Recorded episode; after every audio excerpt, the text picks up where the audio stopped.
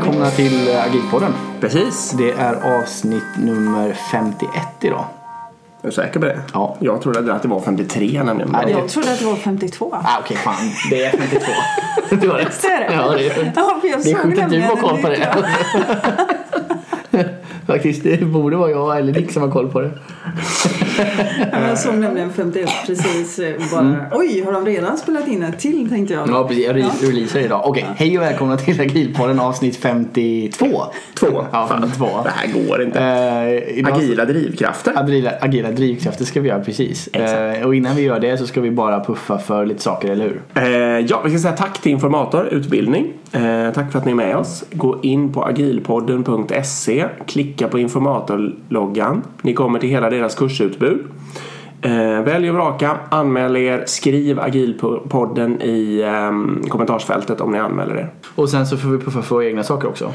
Ja, Och det är att, Kör ja, det är att ni får köpa vår bok som heter Agile for den, Business. Ja, precis. Agile for Business. Den finns på där böcker finns. Eller alltså Libris bok hos Amazon. Och sen så kan man gå in eh, på vår Instagram-profil och bara klicka i bion så hittar man den där. Eh, och in och följ oss på Instagram också. Agilpodden heter vi där. Det var det om det va? Ja. Ska vi säga hej och välkommen till eh, Pia-Mia. Pia-Mia, ja precis. Välkommen. Välkommen tillbaka. Just det. Ja. Du var en av våra tidiga gäster tror jag. ja. Ganska Eh, tidigt. Jag tror det var avsnitt... Jag tror det var vår andra gäst efter Ola. Var jag? Ja, jag tror det. Ja, kan vara. Och eh, du är väl vår andra återvändare också eller något sånt där tror jag. Kul. Och alltså jag är så sjukt nyfiken på det här ämnet för att jag kommer ihåg redan då så hade vi uppe det här och jag tror att redan då så erbjöd du oss att göra sådana här eh, motivationsprofiler. Eh, och så rann det bara liksom ut i sanden och vi fick inte ändan ur och så vidare. Och nu, nu har det hänt. Nu har det hänt. Nu har vi gjort Vi har gjort det. Exakt. De är analyserade och, och vi, nu ska vi få resultaten. Ja, och det ska vi bara säga då för protokollets skull här alltså att vi, vi, du skickar oss en, en länk och vi har gjort ett test och så vidare.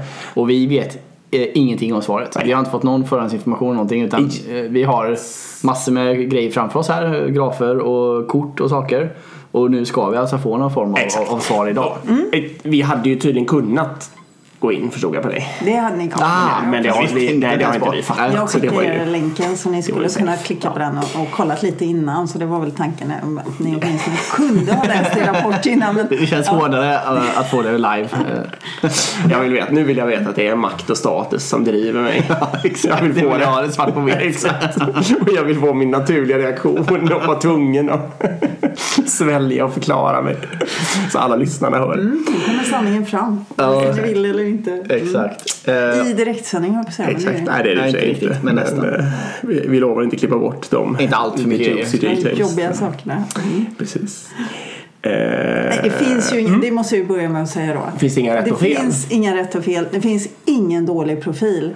Eh, och det finns inga dåliga drivkrafter. Alla drivkrafter är bra. Alla drivkrafter går att använda. Men det är hur man använder dem som är det som är avgörande här. Mm. Säg makt då. Eh, hög makt till exempel.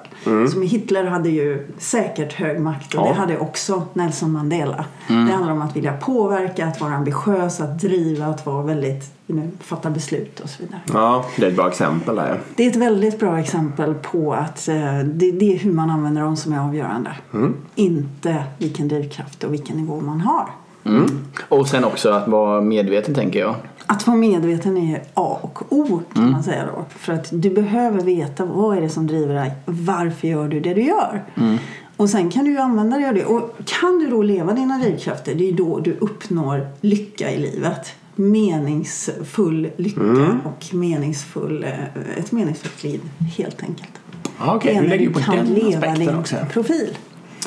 Just Och därför ska man då försöka försätta sig i situationer där man kan leva sin profil, vara med människor, vilka man kan leva sin profil tillsammans med. Att det inte är för stora skillnader och för stora konflikter för då känner man harmoni och lycka i livet.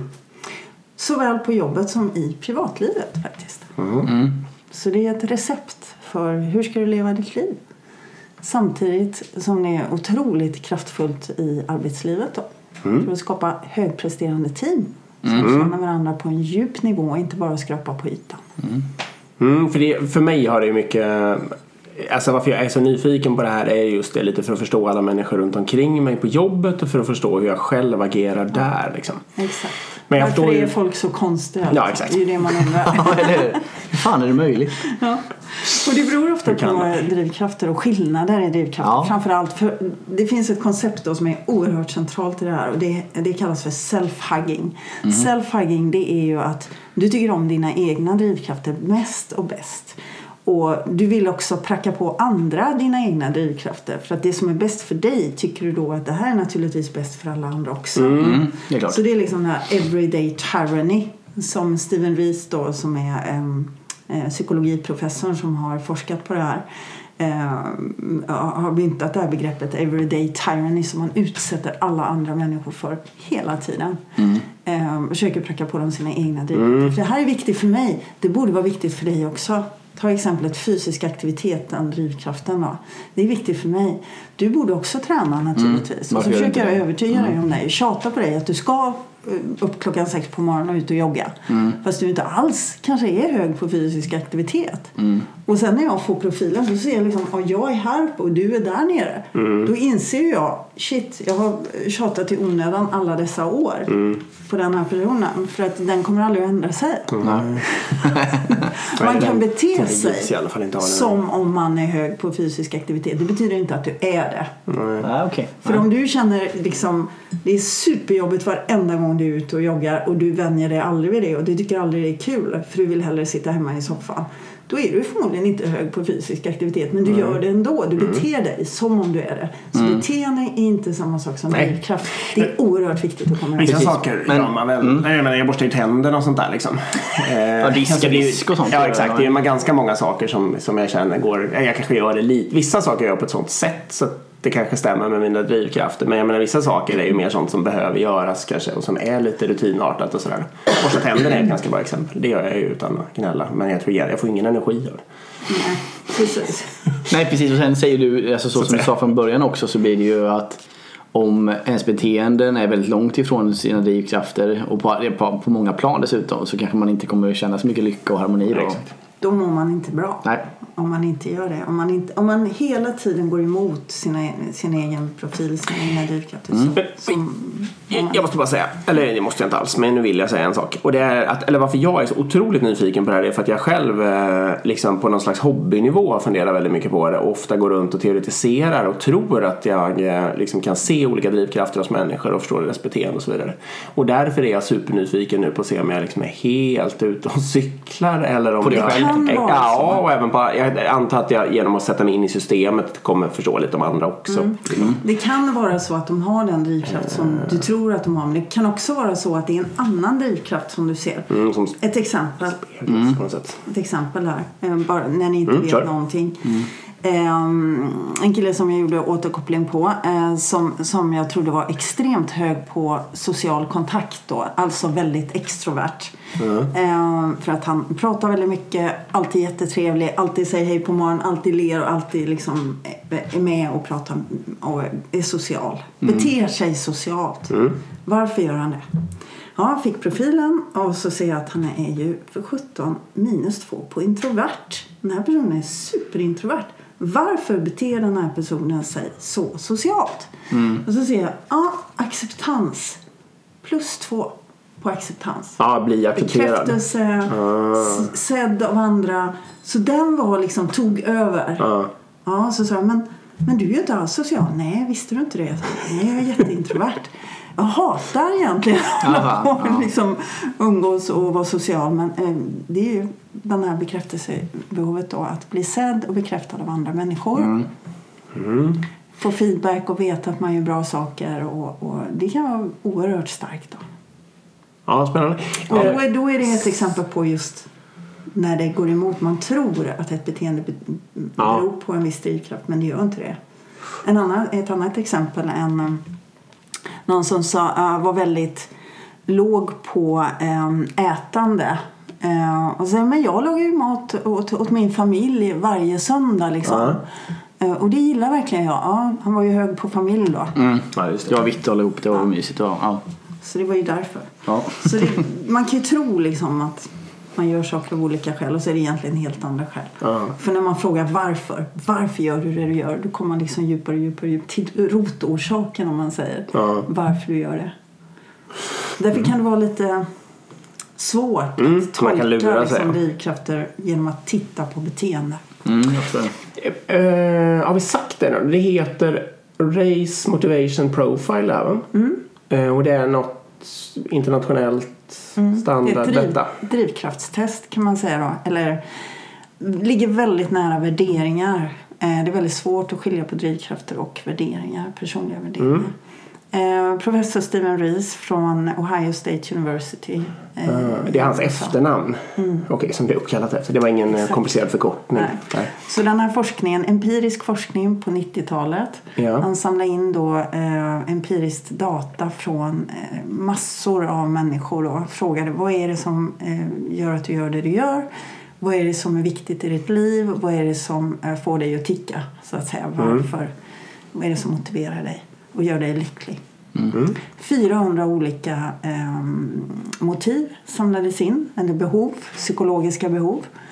Och så analyserar han de här med hjälp av eh, statistisk eh, psykologisk faktoranalys och får ner då 16 stycken som alla människor delar som man då har snackat med så att säga. Och sen eh, eh, märker han då att eh, okej, alla människor delar de här men det är i väldigt, väldigt olika grad Mm, okej. som man delar dem. Så det är det som skiljer oss åt. Det är det som gör oss till de personer som vi är. Mm. Och att vi får de personlighetsdrag som vi också får sen som en effekt av det här då. Men nu kan vi säga då att nu har vi fått sådana här kortlekar med 16, eller 17 kort egentligen va? framför oss. Men 16 stycken som gäller i den här yrkesversionen då. Eh, och så står det en drivkraft på varje kort. Och det kan vara till exempel acceptans, heder eller familj. Då.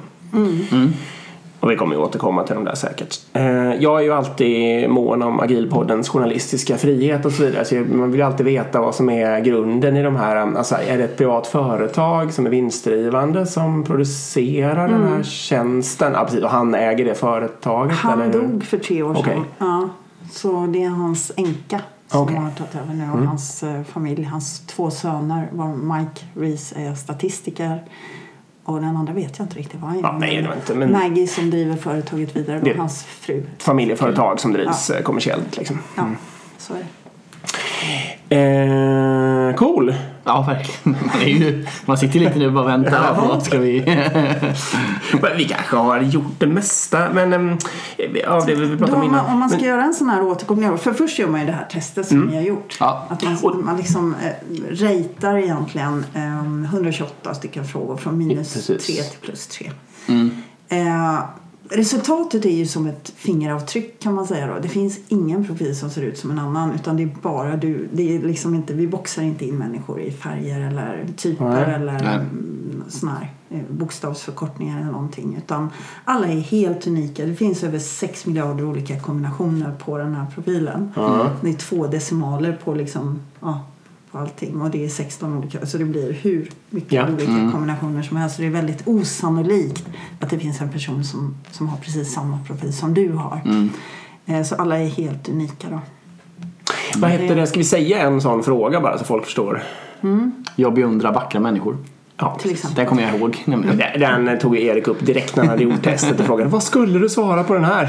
Jag hade inte hunnit göra det ännu då. Och då ska man svara, man kan svara minus 3 betyder håller inte alls med, plus 3 betyder håller verkligen med och 0 är någon slags neutral då och så vidare. Eh, och jag tror jag sa två faktiskt i slut på den här. Jag gör faktiskt det. Nu var jag beredd på just den frågan så där var jag kanske extra hård mot mig själv. Ja, exakt. Men eh, precis, 128 stycken och det går ändå ganska fort. Man tjänar inte på att sitta och tänka. Jag tror det tog en kvart, 20 minuter för mig eller sånt, en kvart. Ja, det gick ganska fort. Så man gör ganska många sådana där per minut ändå. Liksom. Och man ska ju svara direkt Exakt. Ja, vad känslan Och man är. vet ju direkt liksom. Ja, det är, ja, men det är ändå så. plus tre, plus tre, plus tre. Ja, liksom. så är. Eller också är det minus. Eller också, ja, jag har ingen aning. Då kan det vara så, eh, situationsberoende. Sammanhangsberoende. Men du bli säger, ja, men ibland är jag ju där och ibland är jag ju där. Ja, men jag är varken liksom hög eller låg. Utan då är jag i mitten, då är jag sammanhangsberoende. Eh, beroende Okej. på vilka människor du har kring dig och vilken, vilken miljö du har kring dig. Eh, så det är ju som, som den här ehm, ekvationen, jag vet inte om ni har sett den. Behavior uh, is a function of personality and environment. Så beroende på vilken miljö du sätter en person i så får du ut ett visst beteende. Sätter du en person i en annan miljö så får du ut ett annat beteende. Ja, verkligen. Vad heter det? En, en nyfiken fråga. Hur mycket, har du, hur mycket måste du göra med våra resultat sen innan de här? Eller är allt Ehm, automatiserat? Ja, eller? det är helt automatiserat. Okej. Så jag, personen fyller i. Eh, sen går det över till USA, till deras server, Ja. familjen Rees eh, server där. Kommer tillbaka, därför att det här är ju en normal fördelningskurva. Så du jämförs ju med alla andra 110 000 personer som har gjort det här i Mm. världen. Då.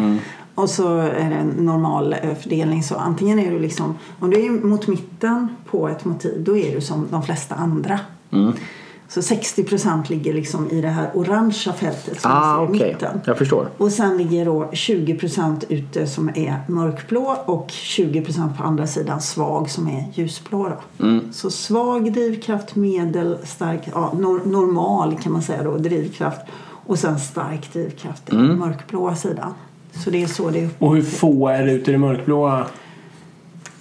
Hur stor procent av alla människor? Eller vad sa du? Ja, mörkblå blir då när man är, det är 20 procent. Alltså, där, nu kan jag inte lyssna och se det här men därifrån och dit. Ja. Mm.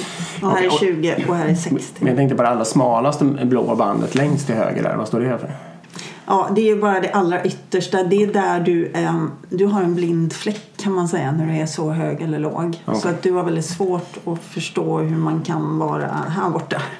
Okej. Du är lite biased. Du, har, eh, ja, du, Precis, och du det- ser inte själv liksom, och det vi bara hur stark förty- eller svag du är. Förtydligande för, för er som lyssnar nu då så tittar vi alltså på ett, ett resultatark där vi ser en normalfördelningskurva kan man säga och sen resultatet i det och det är alltså från minus 2 till 2 och sen är det bara normalfördelat över det. Vi kan väl ta agilpoddens sån där. Ja, det kan vi göra. det är- Vi det tar är och lägga på Insta, va? alltså. Ja, Det- ja. Ni är så lika. Ja, Det är helt sjukt. Eh, här, här har vi då eh, makt och självständighet är ni exakt lika på. Mm. Eh, ni ser. Eh, nyfikenhet, där är, är ju Erik lite högre än Dick. Eh, Så du är lite mer tänkare. Du är lite mer doer. Men du, du å andra Jag är sidan... med då. Ja, nej, du, du, har liksom förmo- du är precis i mitten på normen, precis som folk är mest Ja, ja. eh, när det gäller nyfikenhet. Det betyder att du, du både kan vara nyfiken och tänka och fundera och samtala och intellektuell och vara nyfiken på olika grejer. Ja. Saker och ting hänger ihop och så. Men du, du har också en, en handlingskraftighet. Ja. Eh, att, att du kan genomföra liksom, nu gör vi någonting, nu tänker vi inte så mycket och så vidare.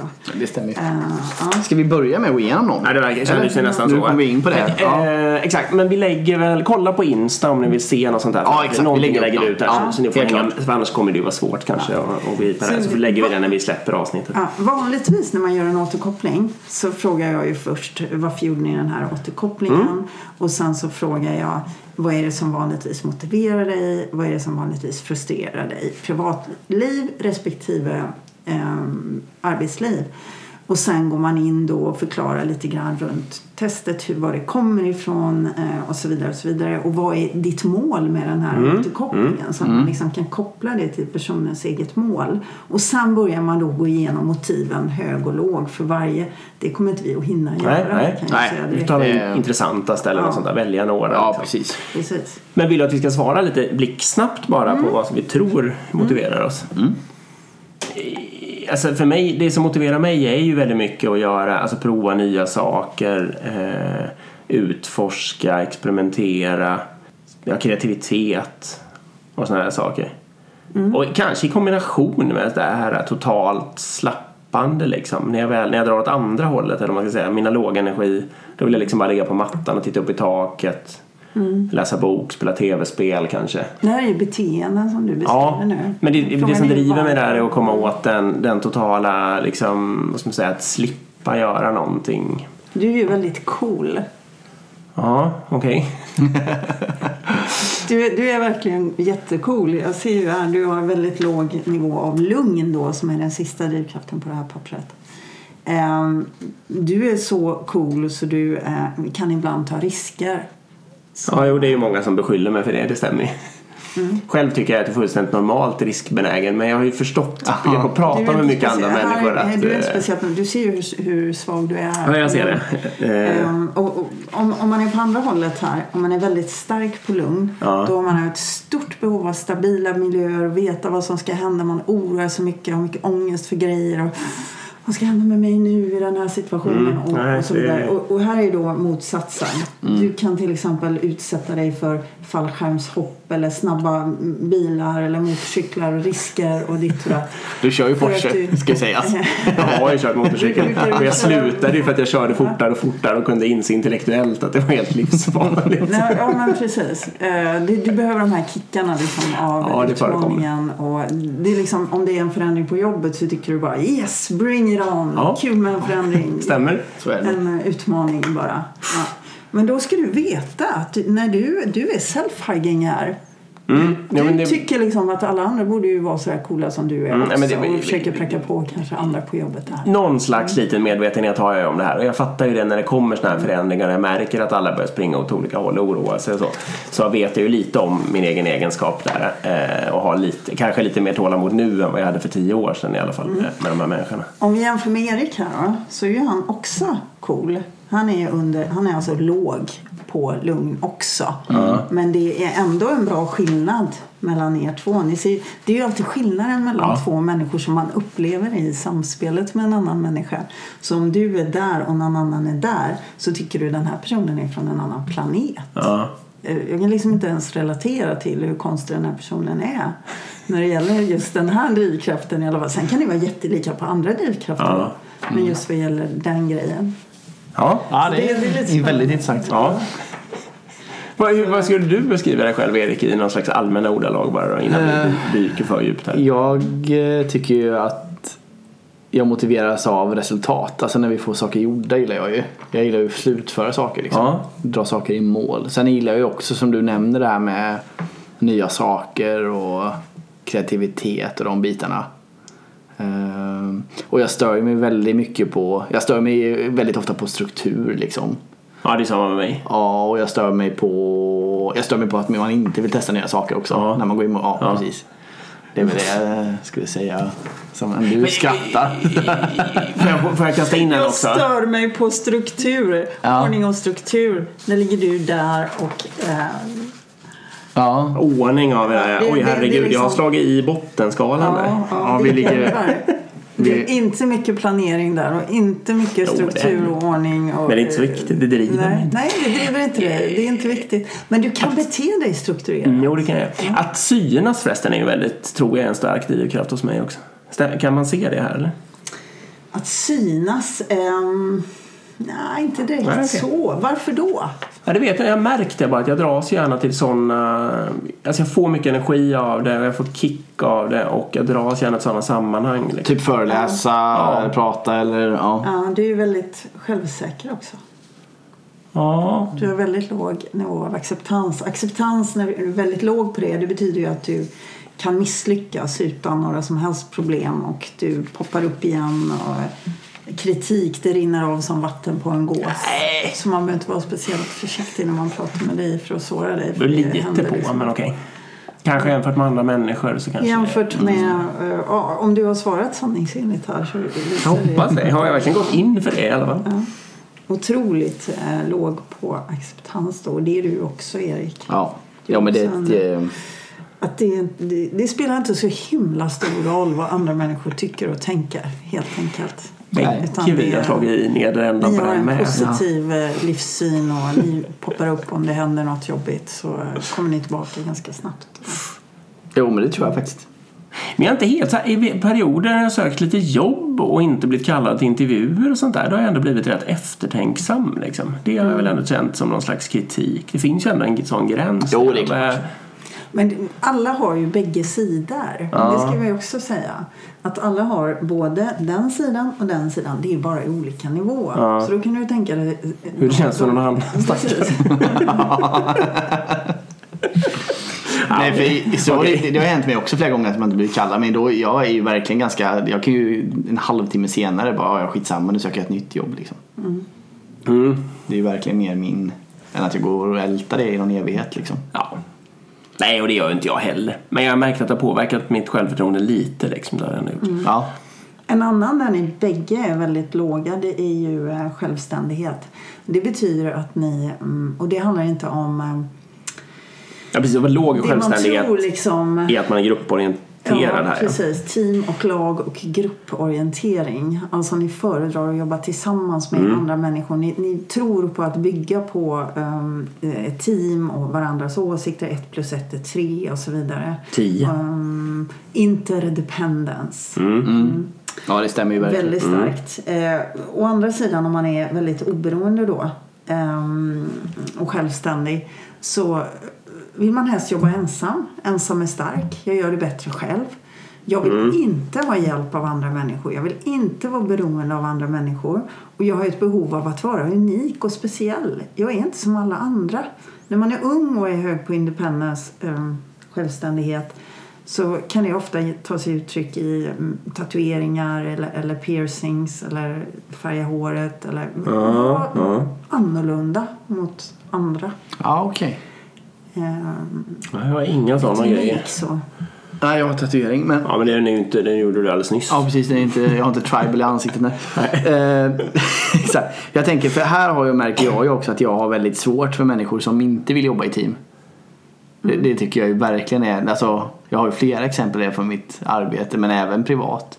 Att om folk vill dra sig undan. Jag har väldigt svårt för bara, men varför guds skull vill du sitta själv och göra de här grejerna? Det måste vara mycket bättre programmera det här eller göra det här som team eller varför gör vi inte det ihop? Och det är ju ett sådär. utslag av self-hugging för Ja, du exakt. tycker ju det är bättre. Ja. Det ligger en värdering i det. Ja, verkligen. Och det är en personlig värdering som du har. Ja. Och när du blir medveten om det så kan du kanske förstå människor som är på Ja. andra sidan här.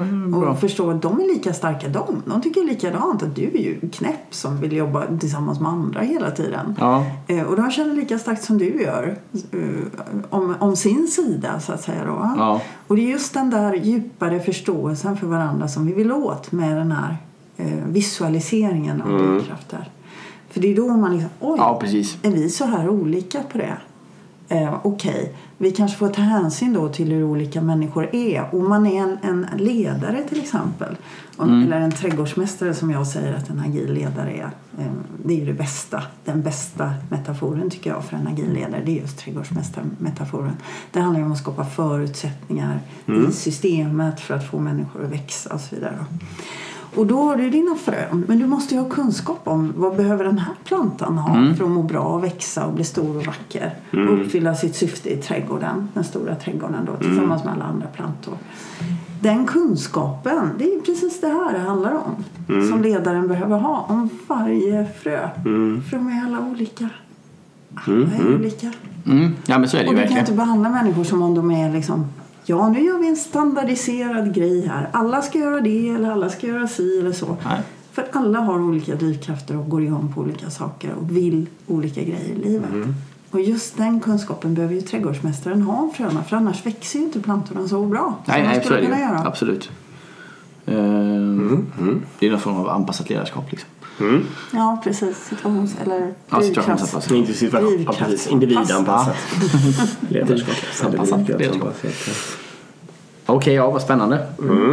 Vad ska vi- Hur ska vi vilja göra? Ska Ja, vi gå på de som sticker ut mest? Eller vad vill ni? vi, vi gör det. Ja. Jag tycker det. Vi kommer inte hinna med att gå igenom allihop. Nej. Nej. Utan vi tittar på dem just. Makt eh, har ni ju inte, den är ju inte speciellt eh, varken stark eller svag utan den är lite grann i mitten, lite under då. Ni är inte speciellt beroende av att eh, ni måste fatta beslut och så att säga mm, så här ska det vara. Och Men gud, är jag som bestämmer.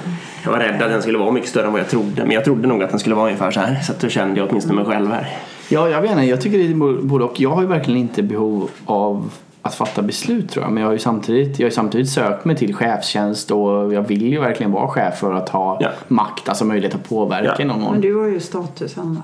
Ja, okej, det är där den kommer in istället Yes. då. Mm. Eh, Titlar, promotions, status, pengar. Vad har jag på den? Jag har lite lägre på den kanske. Mm, det borde Det du är nog en, vara. det är Ja, ju ganska en av de ganska få skillnader där. som ni har då. Det är Ja. att Erik är lite högre på status. Han är högre på social Eller, nej, du tittar på kontakt. min. Ja, förlåt. Okej. Eh, Där ja. Oj, oj, nej. Ni ser social kontakt. Oj! Nej. Nej, så stor var den inte. Erik är ganska mycket högre på social kontakt än vad du är. Ja, det stämmer ju verkligen. Mm. Jo, men det är det ju. Mer extrovert, Ja. utåtriktad. Eh, gillar att vara tillsammans med människor. Och det här, det här är ju introvert och extrovert. Det handlar ju om hur, hur mycket tid på dygnets alla timmar föredrar du att vara tillsammans med människor helt Ja. enkelt. Så det kan man ju mäta direkt. Ja, jag, jag, jag är ju helst dygnet runt. Jag gillar inte alls vara själv. Nej. Och ofta när jag kommer i situationen att jag ska vara själv Alltså till exempel min fru åker bort eller något så säger jag att jag är helt ensam hemma. Många då, du går ju då och mediterar och går och sätter dig i en park och alltså, typ sådär. Kan ligga på golvet typ och kolla i taket i två timmar och sådär. Ehm, och sen vara nöjd med en sån dag. Men för mig blir det på en gång, jag tänker alltid gud vad skönt nu ska jag vara själv och så slutar alltid upp med att jag sitter med tre polare eller sådär. Nu ska jag säga att nu är jag ju nästan alltid med andra människor och det är därför som jag värdesätter den där, det kanske liksom är 10% av min tid eller någonting men då Ja. jag återhämtar jag mig ju verkligen. Ja. Så det stämmer. Och jag får ju inte så mycket, mycket återhämtning Men du behöver inte heller. Nej.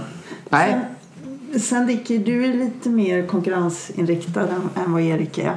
Det är inte jättestor skillnad. Ni är bägge på det orangea fältet. Men eh, du är lite Ska vi se, var har vi mer den? att vinna. Hämnd Hämnd att vinna. Mm.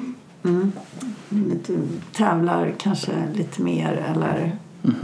Ja, det, hade jag, ja det, det kan jag känna igen mig. Men jag hade nog gissat att Erik var likadan. Mm, det är jag med faktiskt. Eh, men det är, nej, du har lite minus där och jag är ju precis uppe på gränsen där. stark. Du är nästan stark. Men det stämmer ju, jag blir ju lätt Alltså blir jag provocerad och så vidare då, då blir jag ju sjukt sugen på att slå till liksom. Eh, det stämmer ju Mm. Har du verkligen. också ett behov av att ge tillbaka om någon gör Ja, men det kan jag något ha. fel mot dig? Liksom? Ja, det kan jag ha. Eh, det är jag väl också tror jag ganska medveten om och jag kan ju intellektuellt tänka ut att det kanske inte är någon fördel att agera på det här gången så att säga. Så jag försöker begränsa det. Men det är ju en drivkraft, absolut. Det håller jag med om. Ja, jag vet Sen- inte med mig, det är svår, den är svår. Mm, Det ser inte ut som att du, är av, åtminstone inte av det skälet. För det här är ju, alla de här jobbar ju ihop hela tiden då. Alla drivkrafter påverkar varandra så det är väldigt svårt att säga exakt vad det du gör eller hur du reagerar, vad beror det på? Det Ja. måste du nästan tolka själv. Så egentligen kan jag bara ställa frågor till er. Ja, jag förstår det. Eh, nu, nu påstår jag lite mer men... Jag har nog aldrig reflekterat över det på så sätt som du gjorde där nu. Alltså att det här att vinna. Alltså jag har ju inget behov av att vinna typ när vi spelar sällskapsspel och sådana grejer. Det har jag verkligen inte. Nej, det alltså det jag inte kan jag förlora tio gånger per rad. Jag, blir, Ja. jag ska aldrig bli sur om en sån grej. Aldrig någonsin. Eh, men däremot så kan jag ju... Men jag vet inte. Jag kan, ja, Det är kan vara situationsberoende. Ja det kan det vara också för jag tror att är det någon som gör något ont på mig på, alltså på jobbet eller som sätter mig i en pissig situation då tänker jag nog ändå den jäveln ska få liksom. Det gör jag nog. Absolut. Så Ja. då kan det vara i vissa situationer Ja, har den, i andra har du den inte. Nej exakt, Och det är nog så. precis det Mm. som den visar då i och med att den är i mitten. Där. Ja precis.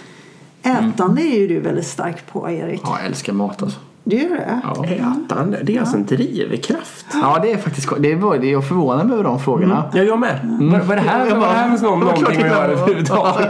Det driver människor till att, att fatta beslut som de inte skulle ha fattat om de inte var drivna av det. Okej. Som till exempel, eh, det var någon som uttryckte det ganska bra tycker jag.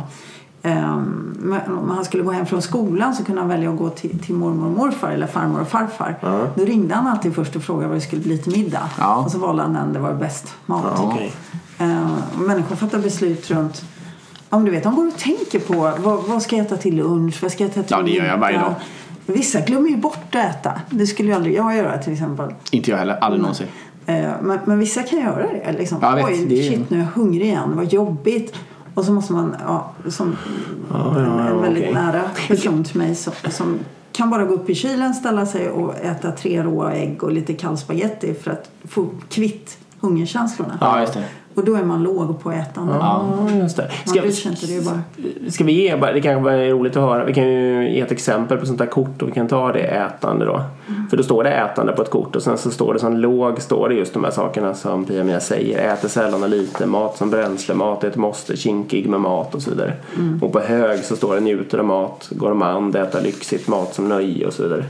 Och sen är det två stycken citat längst ner. Jag vill äta för att stilla hunger, gör den som är låg då. Och jag vill äta gott och mycket, gör den som är hög. Ja, min, min, eh, det, vi här, det, vi, det här vi- stämmer ju verkligen på mig. Jag vet min, min fru kan också säga liksom att vad fan kan vi inte bara, om vi är liksom i, på en semester eller någonting. Jag säger så i en storstad. Då kan hon ju vara så här, men kan vi inte bara gå och äta en, en, en hamburgare eller något bara så vi snabbt blir mätta så vi kommer vidare. Mm. Och jag är mer så här, nej men nu har jag bokat en Michelin-restaurang här så vi ska äta tre timmars lunch på. Så det går inte. Ehm, ja det är så, jag tänker på mat hela, hela tiden. Ja, ja du gör det. Ja, hela tiden. Jag tänker, hela morgonen så tänker jag bara vad, är, vad ska jag äta till lunch idag och vad ska jag äta till middag och vad ska jag äta till här. Och sen är ju, jag älskar ju att laga mat också. Det är ett av mina största intressen. Det är precis det du säger nu. Det är det här du går omkring och tänker på. Ja, Ja. det driver Erik. Det ja. är det, Ja, det precis. som driver dig. Det är det, mm, Ja, det ska ju sägas också, jag är också plus på mat här, men inte alls lika starkt. nej. Jag skulle ju inte kunna vara vegetarian Eller, utifrån, det, utifrån mitt matintresse just. Att jag tycker det är så Nej. fruktansvärt kul att hålla på med så vide och kött och ja. Okej. Sen eh, har vi fysiska aktiviteter. Den är ju ganska lika va? Mm, så tror Dick är lite starkare. Mm, han är det lite var jag faktiskt. Ja, det var det. Ja. Men kolla. Mer av det. Du är hög på fysisk aktivitet Dick. Mm, ja, men det stämmer ju. Hur, om du inte får röra på dig, hur, hur Ja, känner då blir jag du ju då? olycklig. Du blir det? Ja, ja absolut. riktigt. Ja, det blir jag ju också. Men inte, jag tror du blir det i större grad. Ja. Alltså det, och det, är- det är ju en av mina teser att ett av, men ett av de mycket få sätten att garantera att bli lycklig, alltså förutom droger och sånt där, eh, är ju långdistanslöpning. Eh, det tycker jag verkligen. Det, funkar, det tror jag ju funkar på alla dem, men det, det kanske inte alls stämmer. Det funkar extremt Ja, bra jag tänker likadant. Jag tänker likadant. Man, man tror ju att det gäller alla men det är ju tyvärr inte så. Mm. Nej.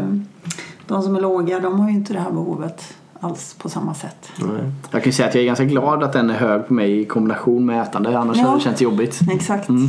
Det, det kan ju vara om man är hög både eller om man är hög på ätande och låg på fysisk aktivitet så kan det ju yttra sig i att man går upp i vikt. Ja, precis. Ehm, naturligtvis. Mm. Men det är inte så konstigt. Och tvärtom också om du är låg på ätande och hög på fysisk Ja, aktivitet precis. kan du bli lite underviktig då för då kanske du inte tänker tillräckligt mycket på mat. Det är inte lika intressant. Nej.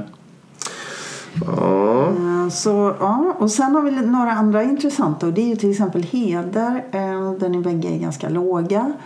Vilket betyder att ni är mer målorienterade. Alltså varför är viktigare än hur?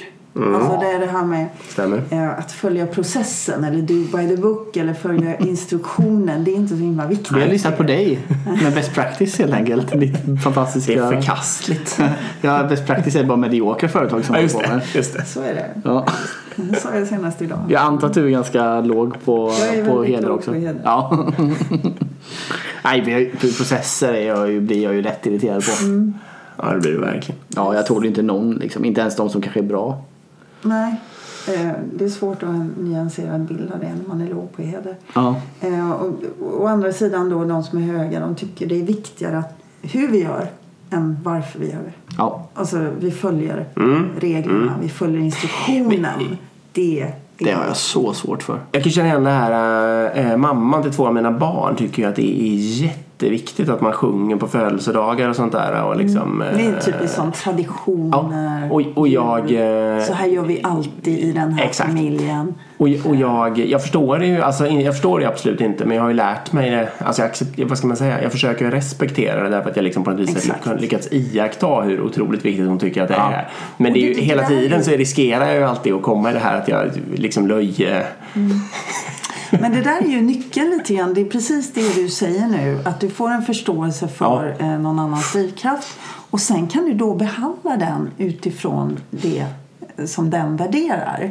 Alltså, man säger så här att du ska behandla eh, andra som du själv vill bli behandlad. Men det är ju inte alls sant. Utan du ska ju verkligen inte behandla andra som du själv Nej. vill bli behandlad. Utan du ska behandla andra som de vill bli Ja. behandlade. och då måste du ju veta det här. Du måste ju veta vad de har för drivkrafter. Hur vill de bli behandlade? Hon vill ju bara att du ska respektera det och säga vad bra att vi sjunger nu och på, på födelsedagen och så vidare. Om du gör det, då blir hon jättelycklig. Och det är världens tycker- minsta insats för dig också. Ja. Ja. Ja men precis, jag, fixar om de är här så fixar jag någon tårta och ser till att det finns ljus och sånt där och att, de, och att vi smyger upp och allting. Och sjunger och så vidare. Ja. Ja. Men, men sen finns det ju en, jag menar åt andra hållet då så höll jag på att skratta ihjäl mig här när vi var uppe i stugan eh, eh, på jul. Och så eh, hade vi typ käkat, och det var bara jag och barnen. Och det var julafton verkligen. Det var min jul liksom. Eh, och så hade vi väl käkat frukost och så eh, nu vill vi öppna julklapparna. Ja visst, kör liksom. Och så bara slet de upp alla julklapparna. Och sen i slutet av den här eh, julklappsbarbarin så ringer hon. så här, vad gör ni? Nio på morgonen också. Ja, tio kanske. så, här, och så, ja, vi har just upplevt alla julklappar. Redan? Och då höll jag på att skratta ihjäl mig. För då hörde man att det bröt emot alla föreställningar om en sån här julaftonsgodis. Ja, Man måste vänta till efter Kalle Exakt. Anka. Men hon sa Ja. inte pip till, det ska jag hedras av. Det var bara tonfallet som, som avslöjade vad hon egentligen tyckte och tänkte om det. Så där- hon accepterade ju vårat val där. För där är jag ju konstigt nog på vissa sådana, det är väl lite olika situationer också. För på jobb och sånt så hatar jag ju verkligen processer och, och sådär. Men privat så har jag ju massa sånt här för mig. Men jag har ju fått det mycket från min pappa. Min pappa är sån här Ah, också så jag har ärvt det tror jag. Och jag är till exempel nu då så, min fru ville inte att vi skulle ha julgran i år. Och det är så här, för mig är det, alltså det är nästan skilsmässa om vi inte ska ha julgran. Jag måste ha julgran. Alltså det är bara, jag ska ha julgran. Jag bara, det spelar ingen roll, jag åker och köper en julgran fast du säger nej, det är bara, jag ska ha julgran. Ja. Eller samma sak som, min pappa är alltid sån här också att man eh, dricker kaffet först när man har ätit frukost. Man dricker inte kaffet till frukosten. Men var det viktigt för henne att inte ha julgran? Nej, det, var kan vi inte det var veta. lite allmänt onödigt. Hon tyckte bara vi ska ändå liksom nästa år flyttar vi till hus då, kan ni, då har vi Ja, julgran då. Det får inte plats liksom. Ja, ja, Om jag jag köpte känner henne rätt. Ja, jag köpte ja, en. Precis. Ja. Och det var ingen gnäll om det antagligen. Och, och min, min son tyckte det var jätteroligt också. Så. Sen har- Men ja. sparande där är ju Dick lite lägre än eh, dig Erik. Så- Sparande är en drivkraft. Det är lite mer Okej. eh, och generös kan man säga då. Fast ni är bägge Ja. egentligen orangea så det är inget stort eller fantastiskt stark eh, eller svag drivkraft i det här fallet då. Det betyder att du är mer eh, för att eh, inte ha en massa materiella ting som, ehm, som, som binder dig utan du vill liksom vara fri från materiella ting och du vill göra dig av med, ge bort saker, kanske bjuda på grejer Kanske mm, åka till tippen och, och, och slänga bort grejer när det behövs så att det inte blir för mycket som håller dig liksom, ja du känner lite bojor av Mm, materiella ting. Stämmer. Jag lyckas ju dåligt men eh, det stämmer att det egentligen är nog mitt... mitt Du har ju en tavla här inne till exempel. Vad står det på den? Buy less, fuck more. Det exakt. det var? Exakt. Jo, det jag älskar den. Den, den skulle ju kunna styrka just den. Den tesen. Den har jag köpt av en av mina gamla inneboenden. Som har målat. Ja, och du är ungefär precis i mitten. Så du är precis som folk är mest på sparande. Där. Är man hög på sparande så kan det vara att man verkligen värderar materiella ting. Man har ett stort garage fullt med prylar och man vill inte slänga grejer för det kan ju vara bra att ha någon gång. Eh, Det är man och för sig, jag, jag, jag är lite åt det hållet. hög, liksom. Jag är lite åt det hållet. Lite åt Du det vill ju bara ha hållet. några Ja. värstinggrejer. Alltså ja, precis. Den här är lite svår då. För egentligen så jag gillar ju, det, kommer väl fram, det kommer väl här också, men jag gillar ju eh, alltså dyra prylar liksom. Alltså Ja, teknik, ja, ja precis. Ja, dyra bilmärken och liksom dyra klockor och sådana grejer. Samtidigt nu när vi flyttar, för min fru är mycket mer så här att vi ska rensa och inte ha grejer. När vi hittar den nu, så jag bara, nej men den där flyttlådan den, den, den ska jag verkligen ha med mig. Hon bara, men bra då ska vi identifiera vad det är i den flyttlådan nu liksom. Och då, Ja. alltså på riktigt så var det ju tre kottar. Bokstavligen. Ja, ja, det var kottar. Och här oöppnad post från typ 10 år sedan och sånt där. Hon bara, tycker du att det här är rimligt? Att vi ska ha med det här? Ja, det tycker jag. Ja, okej. Ja. Ja, du är lite, du är över normen på sparande kan Ja. man säga då. Men du är ju inte hög. Nej. Det är du inte någonstans. Nej. Nej, men stämma. men, ehm, du är högre än vad Dick är. Så det är ju alltid skillnaden som är det viktiga här emellan. Ja, men det, kan- det stämmer. Det Ehm, känns som Däremot då, det som du kom in på där, att du är hög status, Erik. Ja, just det. Det är viktigt för dig. Med eh, kanske dyra saker, att du um, umgås med, med, med viktiga människor kanske, eller kändisar eller kungligheter. Skulle det kunna vara, kanske inte just i ditt fall, jag vet inte. Eh, Det skulle kunna vara massa olika saker. Saker som, som gör att du känner dig lite viktigare. Eller, ja. Ja, nej, det är, jag, jag har ju då eh, en Klockor. bild. Jag, ja, och jag har en bild på kungen på toaletten. Men dig och kungen? Nej. Nej, kungen var Men det är autograf på till mig. Ja, ja det är det. Ja. Ja. Eh, den, den, var inte, den var inte helt lätt att förhandla in med min fru heller kan jag säga. Men den står där. Eh, Är hon, hur är hon på status då? Är inte... Nej, Nej. totalt. Det är, ju eller, det är inte helt, jag skulle säga att hon är någonstans i mitten antagligen. Mm. Ehm, Ni har ju en fin lägenhet. Ja, vi bor i ett sånt område och så vidare. område, Ja, vi bor i ett så- sånt område. Så, ja, så är det ju. Ja, det gör ju du också i och för sig. Fast du kanske inte gör det på den... På grund av det så att säga. Men... Nej, kanske inte på samma. Jag är ju lite, vad var jag nu i status? Jag är lite mitt i sådär kan man Ja, säga. ja. Varken eller. Precis. Men om man nu tittar på er eh, parsprofil, om vi ska gå över och titta på den då. Ja, det blir alltså då Agilpoddens eh, profil här. Eh, så, så är ni ju exakt likadana på Mac då, lite under medel. Och sen är ni jättelåga bä- bägge två på just grupporientering. Det där är ett väldigt agilt eh, drag då. Ja, okej. Agil värdering, det här med teamet och Ja, just det, det är klart. samarbete och vi och ja, Så det är lite rätt där med att vi kör den här podden. Det, det, absolut. du får lite, vi får lite okej på det här. Ja. Då, för väl. Ehm, sen low order, lå, låg ordning och struktur. Det är också ett sånt där väldigt eh, typiskt agilt drag. Eh, att man är flexibel, improviserar, inte vill följa långa planer, detaljerade planer till punkt och pricka. Utan tvärtom eh, föredrar att ändra eh, planer då. Föredrar att vara spontan och flexibel. Mm. Ehm, Vi är ruskigt low lika, alltså. Ja, ni är ruskigt lika, det måste jag säga. Det är faktiskt helt sjukt. Orden Humle Dumle figurerade här innan vi började spela in. Ja. Piff och Puff. Från Piff och ja. Puff var det kanske, förlåt. Eh, låg heder bägge två då. Eh, idealism också ligger ni lite i mitten där. Idealism det handlar ju om det här med att göra något för, för världen, för att vara osjälvisk och hjälpa fattiga eller avskaffa slaveriet eller mä- mänskliga rättigheter eller flyktingar eller Greenpeace eller ja, någonting då. Är man hög på idealism så är det oerhört viktigt eh, syfte i livet då att så att säga Hjälpa göra till något där. för Mm. mänskligheten.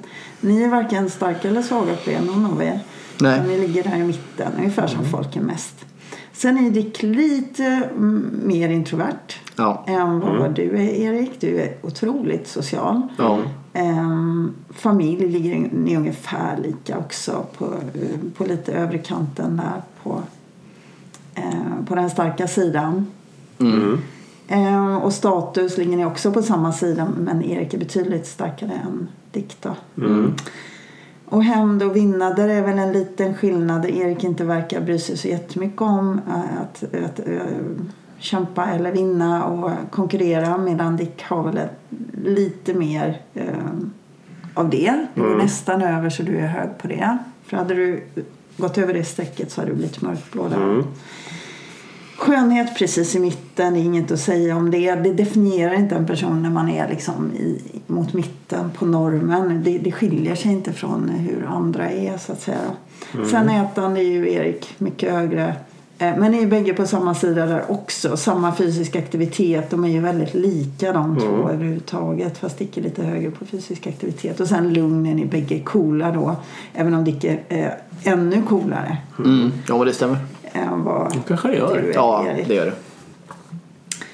Eh, väldigt spännande att se. Och, och det hör man ju nästan när ni pratar i podden. Att ni liksom lite grann fyller i varandras meningar och det bara flyter hela tiden. Så det är ju en väldigt bra match. Eh, så sätt. Ni trivs förmodligen bra ihop kan jag tänka mig. Ja, så är det ju. Om, ni, om ni skulle ha en konflikt någon gång, vad skulle det vara runt? Ja, har ni haft det eller ni kanske inte vill? Jo, Jo, det kan vi väl gärna. Eh, Har vi det? Funderar jag på. Tänker efter här, för länge sedan hade vi lite konflikter när vi jobbade i samma organisation. Det hade vi, då hade vi ju verkligen på riktigt olika åsikter om olika saker. Nej, vadå? Kommer du ihåg? Tillsatta chef till exempel. Ja. Hade vi olika åsikter om. Vi har väl haft i några rekryteringscase. Vi har ju olika åsikter om människor ibland. Mm, ja, det har vi ju absolut. På riktigt. Ja, men det har vi. Lett till någon konflikt. Inte direkt.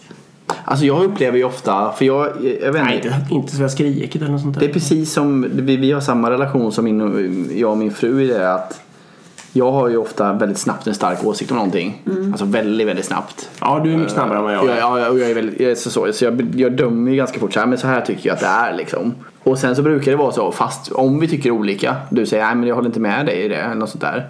Oftast så är det ju ty- tyvärr och så. Ja, jag har rätt antagligen. Ja, det är så oftast. Nästan att han har alltid rätt. Och, jag, och då blir det så att jag inser ju det ef- efter, ofta för då drar du en argumentation. Precis samma sak med min fru, det är skitirriterande. men Speciellt med min fru. Så drar du en argumentation och sen sitter jag där och bara, ja fan, du var rätt, jag har fel.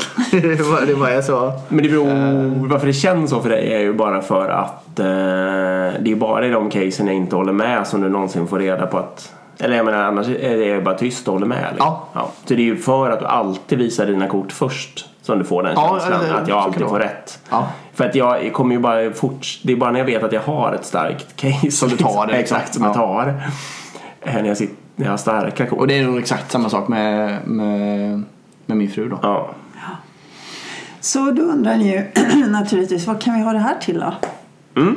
Ja, för det första det är ju att hitta sig själv då i sin profil. Acceptera sig själv som man är och försöka leva sin profil så mycket som möjligt. Och försöka använda sina drivkrafter till att göra positiva grejer. Eh, ja. ja, inte negativt då, eh, utan det är positivt. Och sen så handlar det ju om att lära känna andra och förstå eh, var är vi olika och eh, hur, eh, yttrar det sig så att säga på jobbet då.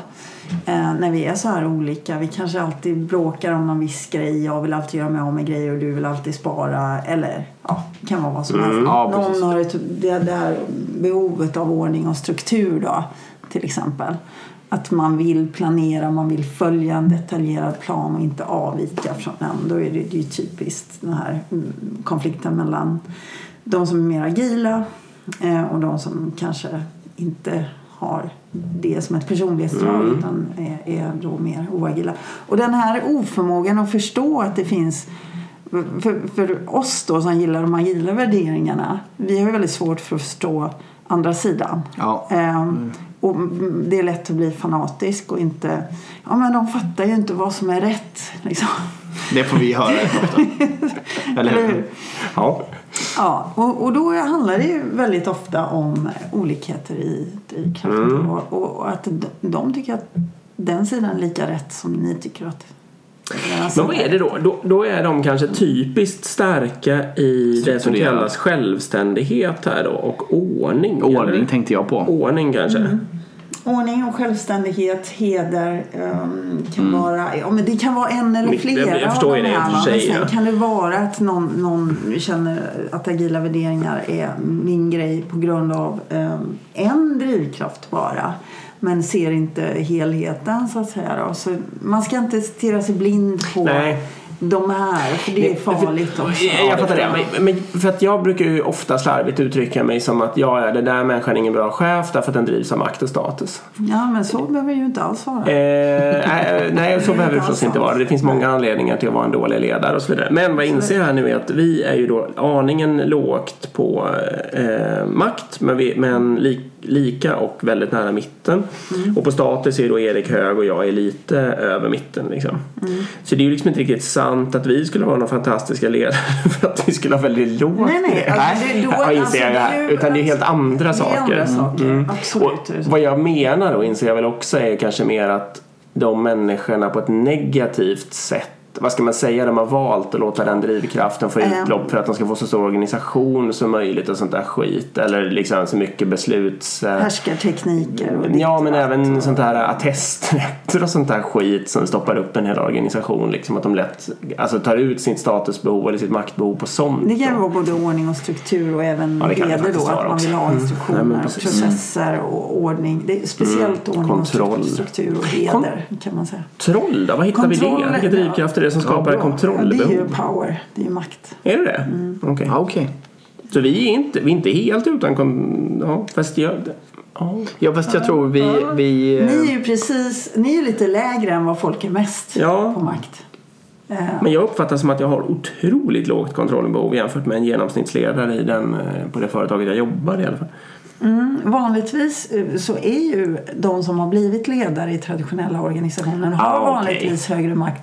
För att de söker ledarpositioner för att det är det just som är drivkraften. Att kunna besluta och bestämma. Okej. Men en agil ledare är ju lägre på. Ja. Eh, Men, men det kan också vara en, en agil ledare kan också vara hög på, på power men använder den på ett helt Nej, annat jag sätt. Mer för att påverka. Alltså du kan ha positiva och negativa ord på bägge sidor om alla drivkrafter. Och du tenderar att använda om du själv är låg på något så använder du positiva ord om den sidan. Medan någon som är hög på samma drivkraft använder negativa ord om den Ja, sidan. Men jag så tänker säg också... generös men slösaktig. Ehm, Ja. Men du är sparsam men du är snål. Ja, precis, det, det är exakt. typexempel på positiva och Men jag tänker också att traditionella, alltså det som, som premieras som chef traditionellt är väl mycket också det här kring struktur, eh, ja, strukturprinciper och makt då kanske. Ja men det är bara för att idioterna väljer varandra. Eh, förlåt, jag menar de annorlunda människorna väljer varandra. Det är lite klippning. det där var mer, helt medvetet. Vilket? Eh, nej men precis, men jag, jag tänker också att, för jag menar, varför upplever man många gånger att en, en agil transformation tar så fruktansvärt mycket tid och liksom är så jobbig att få igenom och så vidare.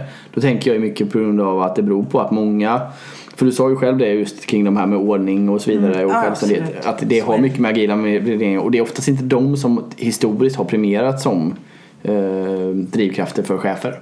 Nej precis. Så det, är, det finns inte så många höga chefer som Nej. sitter på Och det känner vi ju av. Ja, exakt. För vi känner ju att de flesta höga, andra högercheferna är ju precis raka motsats oss på de här sakerna. Ja, men så, är det precis. Så är det säkert också. Ja. Alltså, Jag kan lite sakna, jag tycker vi har för lite sådana här stor, Alltså det är för få människor som mejlar in och är upprörda över saker vi har sagt. Det Ja, det händer aldrig. Det händer nästan. lite. Ja, alltså, det finns i alla fall ingen anledning att hålla igen. Nej. Och de sitter I kanske, det är just de här onödan. människorna som De lyssnar väl Nej, inte ens. De skulle ha mejlat in om de hade lyssnat. de lyssnar inte ens. Annat är det efter vår revolution när det här kommer åka ut i högtalarna på varenda gata i hela Sverige. Ja, exakt. Ja, ni får ju mer och mer inflytande det kan man ju säga. Med den här Att ge den här podden, ja, jo, Ja, så är mycket lyssnare. Absolut. Ja. Ja, det här var så, så är. Och, och då kan man ju Ja. använda det här till eh, personlig utveckling Ja. naturligtvis. Förstå sig själv. Jag ska byta jobb eller jag är i en livskris eller jag behöver hjälp eller jag behöver en kognitiv beteendeterapeut. En KBT-terapeut som får det här i handen har ju liksom genväg fem Ja, stycken sessions fram typ. För att här är ju facit. Mm. Ja. Du får ju liksom en, en flygande start med hjälp av en sån här. Och jag tänker också som chef att visa det här för eh, både sina kollegor men, men även alltså allihopa. Bara för att säga att det här finns ju risk, här kan finnas risk i mitt beteende och så vidare. Eller? Ja, nej men och sen hur ska man belöna dig? Eh, bara en sån sak. Eh, hur ska man... ehm, Med mat uppenbarligen. Mat och lön. lite gratis klocka och, i och liksom lite status och li- kanske... Ja, Men inte någon jävla träffa skitklocka. kungen. träffa, träffa kungen och käka en bra pyttipanna så är vi hemma. Nej, men, ö, det är ju liksom ett recept på hur vill Erik bli behandlad. Eh, och det är det personliga då ledarskapet så att säga. Att veta hur man ska behandla olika människor. One-on-one eh, ledarskapet här. Eh, det är kunskapen som trädgårdsmästaren behöver om sina frön helt enkelt då. Eller om plantorna i trädgården. Hur ska jag sköta om den här för att den ska växa och, må bra. Någon som, som är till exempel väldigt hög på, på familj och har en chef då som, som förstår det och ser det. Fast de själva kanske är jättelåga på familj. Men ja, jag ser att du är hög på familj. Jag förstår att du inte vill jobba över ikväll. Och jag förstår också att du, du kanske kan gå tidigare på fredag. För jag vet ju att du gör ett jättebra jobb den tiden du är här. Liksom. Ja. Yes, högsta vinsten kommer ju aldrig att sluta jobba där den här personen. Det blir såna här lojala människor som bara stannar för att de får precis det de behöver på jobbet. Eh, om jag får, till exempel, jag är hög på fysisk aktivitet. Om jag skulle få träna gratis på arbetstid på, på ett jobb som jag var på. skulle jag ju tycka wow vilket jobb. Liksom. Ja. Här, här vill jag stanna. Eh, Så det, är- det är lite recept. Hur ska man behandla dina människor? Och sen är det också teamet. Eh, Vi ska återkomma till det för det var något du vill säga. Ja, ska, jag, ska jag ta det? Nej, men jag ska bara säga att jag har ju faktiskt använt mig av det utan att veta det här på det här teoretiska sättet. Men jag hade ju hugg på en rekrytering som jag misstänkte var superduper bra och som då, nu, nu skulle man kunna använda terminologin att eh, personen var väldigt hög på familj. Och min linje var ju bara att jag vet att du kommer göra ett mycket bättre jobb än eh, liksom många andra som, som eh, skulle kunna jobba heltid och så vidare. Så jag bara körde. Och det har ju också varit succé liksom. Det funkade ju verkligen och den personen Eh, jobbar kanske då lite, lite deltid men gör ju mycket riktigt eh, ett fantastiskt arbete men vet att jag har förståelse för att eh, Ja, personen behöver hämta och lojal. liksom vara ledig vissa Ja, dagar. och så är det saker.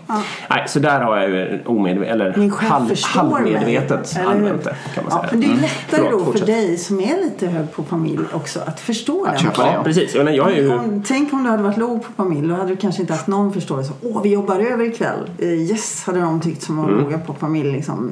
Slipper att vara hemma ungefär. Eh, Eller man kan skicka iväg dem till Dubai eller vart som helst Mm. och jobba. För att det spelar liksom ingen roll. Eh, för de går inte igång på, på att vara vårdande eller vara, vara hemma med, med barnen eller så vidare. Ja, vad, är det Så- att vara hög på familj? Nu ska vi se. Det är handlar ett kort väldigt mycket om barn. Där har vi det. Ja. Vårdande familjeliv, älskar barn, familjeinriktad och tillgiven. Jo, nej, men Mm. det stämmer ju. Barn gillar vi uppenbarligen men Sen Ja, är men det du, du, var väl, du hade väl ändå Ja, vi låg också jag hade. Och jag hade också Vad jag skulle vilja säga kanske den viktigaste användningsområdet i just agila sammanhang Mm. med det här det är ju att du kan ta ett omoget team i superfart till att bli högpresterande. I och med Ah, att du okej. lär känna varandra så snabbt. Som i den omogna fasen där är du ju eh, tippar runt på tå och, och är artig och är väldigt ledarberoende och sen går du över i den här nästa fas där du börjar och, och ha konflikter med dina teammedlemmar och du funderar över vad är målet egentligen? Vad ska min roll vara? Kan jag lita på de här människorna som jag jobbar med? Så det är ju storming-fasen så att säga och sen kommer man in i den här ehm, eh, norming då. När man börjar förstå vad ska vi göra, hur ska vi behandla varandra, vad är min uppgift? Och de är inte så konstiga längre, de jag jobbar med här. Och sen är man ett high performing team. Och den här tiden som går från omoget till moget högpresterande team kan man ju förkorta otroligt mycket om man jobbar med såna okej. här Ja. och är ärlig, skapar trust och psykologisk säkerhet i teamet med hjälp av att vi respekterar varandra. Ja, vi är olika, men det är en bra grej. Det är mångfald i våra team. Vi har en diversity och vi är olika och vi respekterar varandra och använder varandras olikheter på ett bra sätt. Det kan vara fantastiskt för ett agilt team att ha någon som är lite högre på ordning och struktur. För då kompletterar den alla de andra och då slipper de som är låga på ordning och struktur att ta den rollen. För faktiskt behöver man det ibland också. Och det saknar vi ju i till exempel det här arbetet. Agilpodden HB. För HB skulle ju må bra av struktur antagligen. Så har vi någon strukturfascist där ute som har en helt komplementär. Vi skulle behöva lite processer för vårt bolag helt enkelt. Exakt, så kan ni försöka söka. Försök ni. Men, men hänvisa i så fall för guds skull till, till det här. För annars kommer vi bara förkasta CVt efter en halv läst med. Men just konflikter, förståelse för varandra, acceptera varandra Mm. med de drivkrafter man har och kunna jobba bra tillsammans i alla fall. På så vis är det ju lite... Har du någon bara kort klok åsikt om det? För det finns ju någon slags syskonskap eller kusinskap till liksom Myers-Briggs och IDI och typ sju Nej, miljoner nej, det- andra. alltså, nej, det- jag nej. tänkte du skulle säga att det inte gjorde det. Nej. Ja. Men för det kan man i alla fall använda för att snabba på en grupputveckling. Så på så vis finns det i alla fall någon slags släktskap. Ja, det är mer beteendebaserat. Ja, det är det ju. IDI i alla fall är mer Drivkraft är beteende. inte samma sak som beteende. Och sen så stoppar du in människor i små boxar och sätter en liten etikett. Det här är en E ENFP-person. Det här är en sån person. Det här är en grön eller gul eller röd eller blå. Eller, Mm. ja. Så det är det här eh, typologi eller man är, man, man är en av olika sorter Mm, så att säga. Och det är ju en kraftig förenkling av en människa. Mm. Vi är oerhört mycket mer komplexa än så. Vi är oerhört mycket mer komplexa än det här också. Men det ska ju också vara användbart. Men de flesta instrument baseras på beteende och de placerar folk i grupper. Det är skillnaden skulle du säga. Medan det här är Och sen är det ju ingen forskning bakom. Här är väldigt mycket forskning och vetenskapliga artiklar och research. Myers-Briggs är ju någon Jung-baserad bla bla bla någonting. Vad Jung då? gammal, ja, inte vet jag. Ja, Någon av Freuds han, hade en teori, han hade en teori och sen gick han ut för att försöka bevisa sin aj. teori. Inte inläst här på det är här. Mm. empirisk forskning. Vilket betyder att du samlar in data, har inga liksom, fördomar om den data du samlar in och sen analyserar du datan och sen drar du slutsatser Mm, utifrån det. Så det är riktig forskning så att säga. Och det är modern forskning från 90-talet. Så det är väldigt stor skillnad. Mm, det är väl kanske sant att Myers-Briggs inte baseras på modern forskning. Det håller jag med. 40-talet eller vad? Ja. Men det är klart man använder Okej. det i liknande syften. Ja. Det är väl Nej, enda likheten då. Jag tänkte bara det kunde vara intressant för, för det är nog många som sitter här ute nu annars hade tänkt att, ja men vadå, är det ytterligare en sån där? Så det var intressant att föra din syn på skillnaden.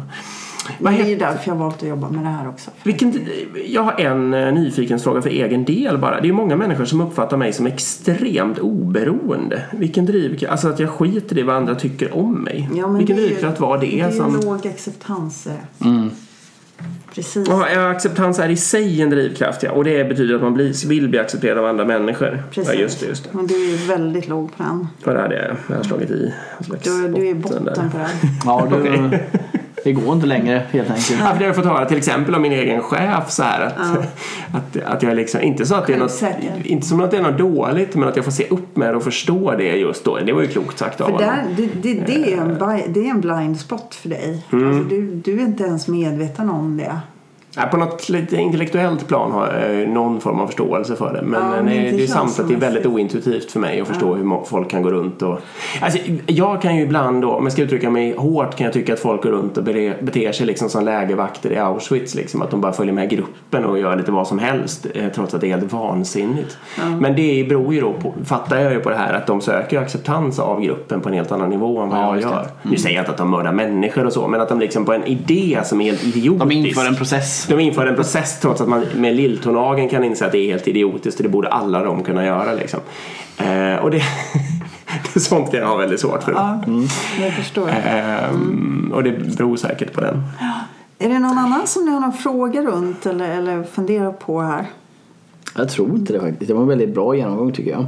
Ja, nu, nu var det en väldigt ovanlig genomgång för man brukar liksom gå igenom ja, hög är så här och låg så här. Ja, och precis. Så här och låg så här. Så går man igenom alla korten och sen så tittar man, ja, var är du och hur, hur, får du, hur ser du till att få det här i din vardag? Ja, precis. Bla, bla. Ja. Så, så det. det är ju väldigt mycket mer att man guidar någon så att säga Mm. i, i sin profil då. Och för att förstå sig själv bättre. För det är du som har sagt det här. Det är, det är ingen annan. Liksom. Nej, nej, så är det verkligen. Self-evaluation. Sen så finns det ju såna här roliga fall där, där man liksom det stämmer inte alls. Ja, Person då, ja, ja, inte ja. alls där, jag inte alls. Nej, liksom, nej hur, hur var det när du gjorde det här? Ja, jag satt i bilen och körde och så hade jag tre barn där bak och försökte fylla i det samtidigt. Ja, okej.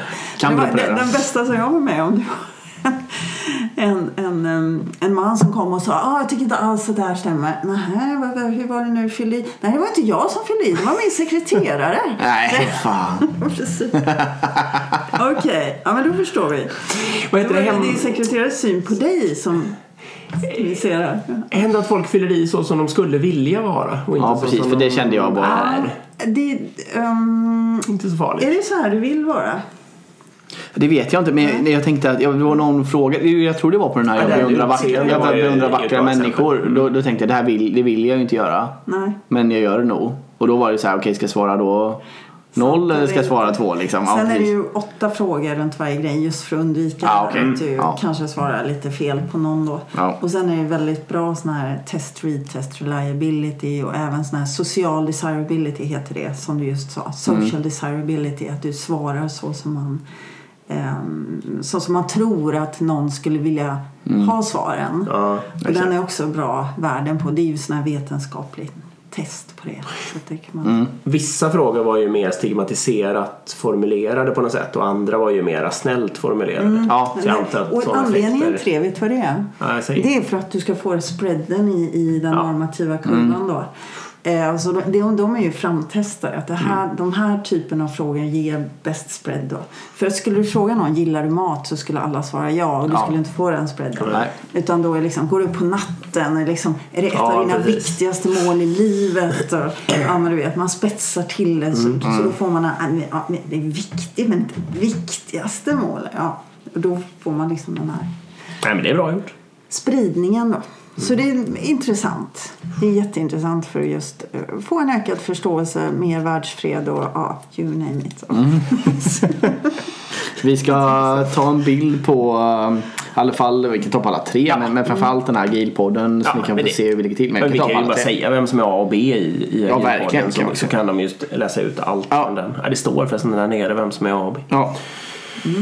Det kan vi göra. Så kan vi publicera den så kan ni gå in. Så när det här, när det här avsnittet eh, finns så kommer det här också finnas på eh, vår Instagram. Så man kan gå in och titta. Så gör ni bara en sån här profil och så test, jämför ni med den och är det då spegelbild av, av den ni där, jobb då söker ni jobb hos oss.